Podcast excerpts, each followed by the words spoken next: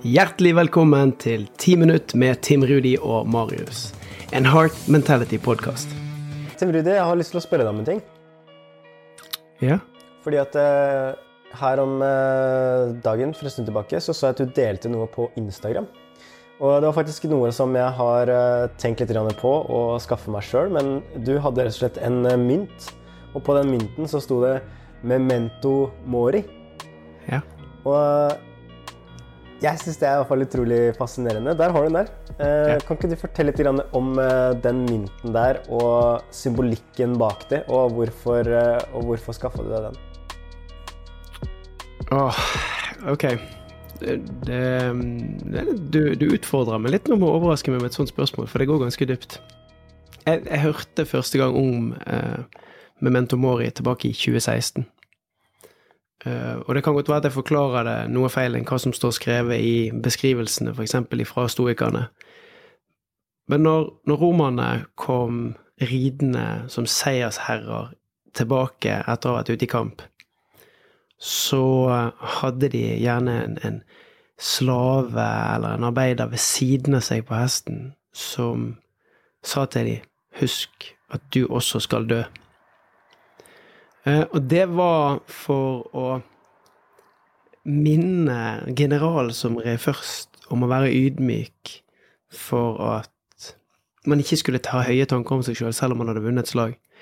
Og alle disse store lederne hadde en sånn ved siden av seg.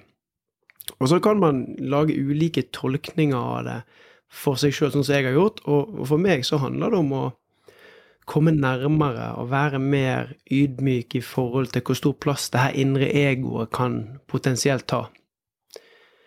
Eh, Og det mener jeg er, det er den største kampen jeg kjemper hver eneste dag. Det er kampen mot meg sjøl. Kampen mot den som skal beskytte meg inni det her egoet, hva jeg tar meg nær av, hva jeg er redd for, hva risiko jeg tør å ta.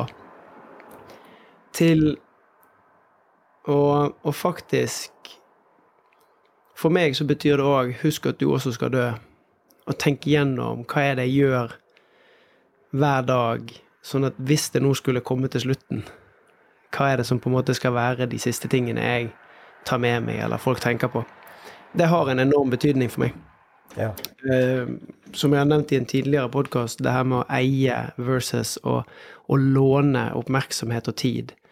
Eh, jeg tror òg at hvis vi faktisk tør å forberede oss på at det her er ikke evig, dette kan ta slutt i morgen, eh, og skal vi se, Kanskje jeg skal gjøre et lite Google-søk mens jeg har deg her, for det er en sånn quote som jeg liker veldig godt. Ja, og, og mens du søker opp det, så kan jeg komme litt med liksom hva jeg tenker ut det. For jeg tror også mange som hører det her syns at det er veldig skummelt med, med døden. Altså, det er, mange syns det er ukomfortabelt å snakke om. Og, og jeg også husker at jeg syns at det var veldig ukomfortabelt å snakke om. Og spesielt Én ting er jo egen død, men en annen ting er jo andres død og sånne ting. Men det å faktisk minne seg sjøl på det, da, at eh, faktisk noe av det som er sikkert i livet, det er jo at en dag så, så kommer vi jo til å, til å dø. Og det at man da faktisk eh, husker det, og husker å sette pris på, husker å kanskje følge drømmene sine, husker å gjøre de tinga her mens du fortsatt lever, da. Fordi at eh, jeg husker så godt jeg tenkte der en dag jeg satt på vei til eh, jobb for mange år tilbake. Og så husker jeg satt på bussen, og så ser jeg ut av vinduet, og så ser jeg en sånn gammel kar som går ut og er på vei til postkassa.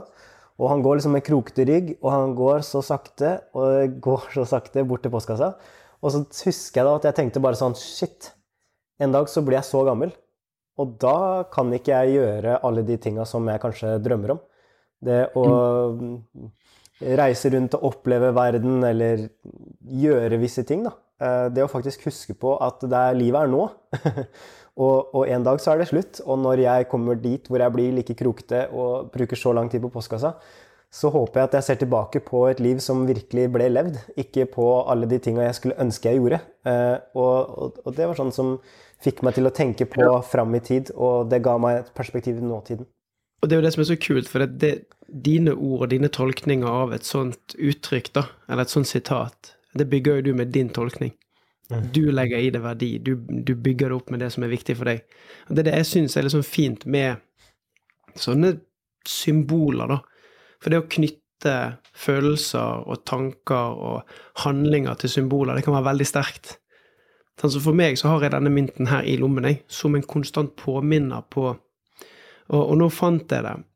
Ja, kult. Um, jeg leser det på engelsk, jeg syns det er finere, da. For Marcus Aurelius, han skriver da You could leave life, leave life right now.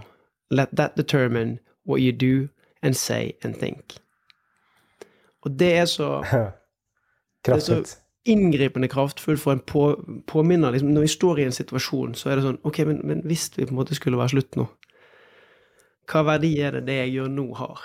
Det betyr ikke at ikke vi kan gjøre feil. Det betyr ikke at ikke vi kan bli forbanna eller miste fatningen, og sånt, men det å bare trene på å gjøre det som er godt og riktig og viktig for oss sjøl. Og så sier han det. Uh, dette var en annen. To practice death is to practice freedom. A man who has learned how to die has unlearned how to be a slave. Det er, for meg så er det fortsatt en, sånn, det er en veldig sånn dyp dimensjon på det som jeg overhodet ikke har forent meg med. Men det er noe i det der som inspirerer meg til å være mer nysgjerrig på det. Hva vil det si å Ja? Ja, og, og, men jeg, jeg har bare. Jeg syns det her er så bra, og det som jeg vet, da, det er at mange er sånn Ja, ja, det er viktig å tenke på, og ja, en dag skal vi dø, og ja, det er viktig å leve her og nå.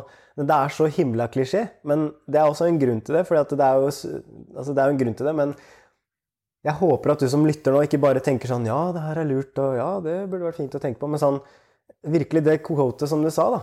Uh, husk at du skal dø en dag. La det diktere handlingene dine, det du sier, og det du gjør. Og liksom, Hvis du har med deg det perspektivet, så, så hva gjør du da nå? Hva, hva, hva, vil du gjøre med ditt liv?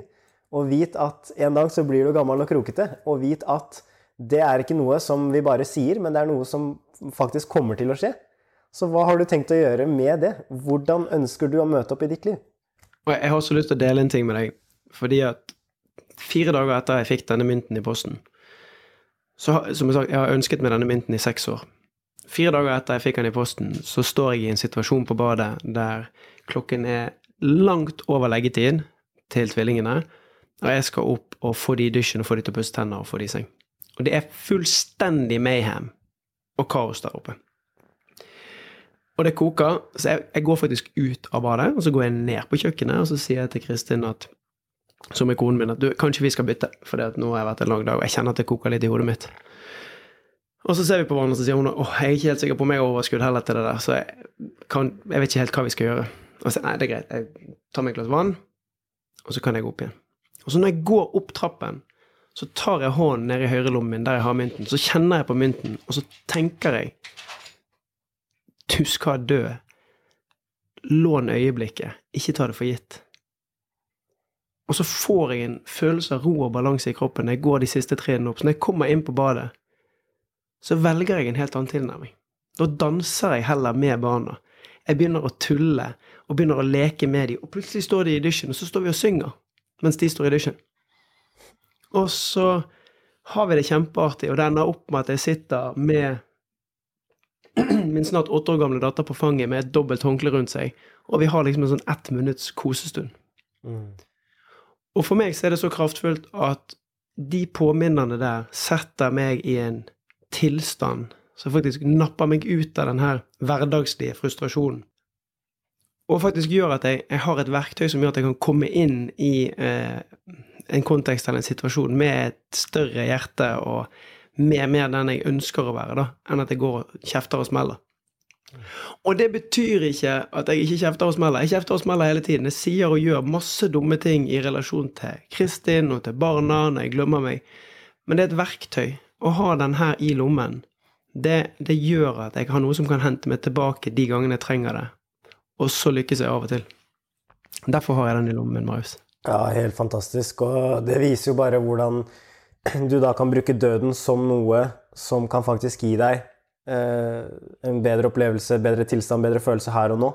Eh, og da er jo døden noe som også kan være en hjelp for deg, ikke bare noe som er, som er skummelt. og Tusen takk for at du delte, Tim Rudi. Tror eh, det der er en kjempefin påminner og en veldig fin situasjon. Så, så hva om du bare visuelt tok med deg den mynten i dag, du også, og tenkte på det? At, eh, husk at du skal dø en dag, og hva slags sjanser er det du har lyst til å gripe i dag? Og hva er det du har lyst til å gjøre? Så tusen hjertelig takk for at du lytta til podkasten. Legg gjerne igjen en review eller tagg oss på Instagram hvis du får noe verdi ut av det her. Vi digger å, å lage den podkasten her for dere, så tusen takk. Vi snakkes. Tusen takk.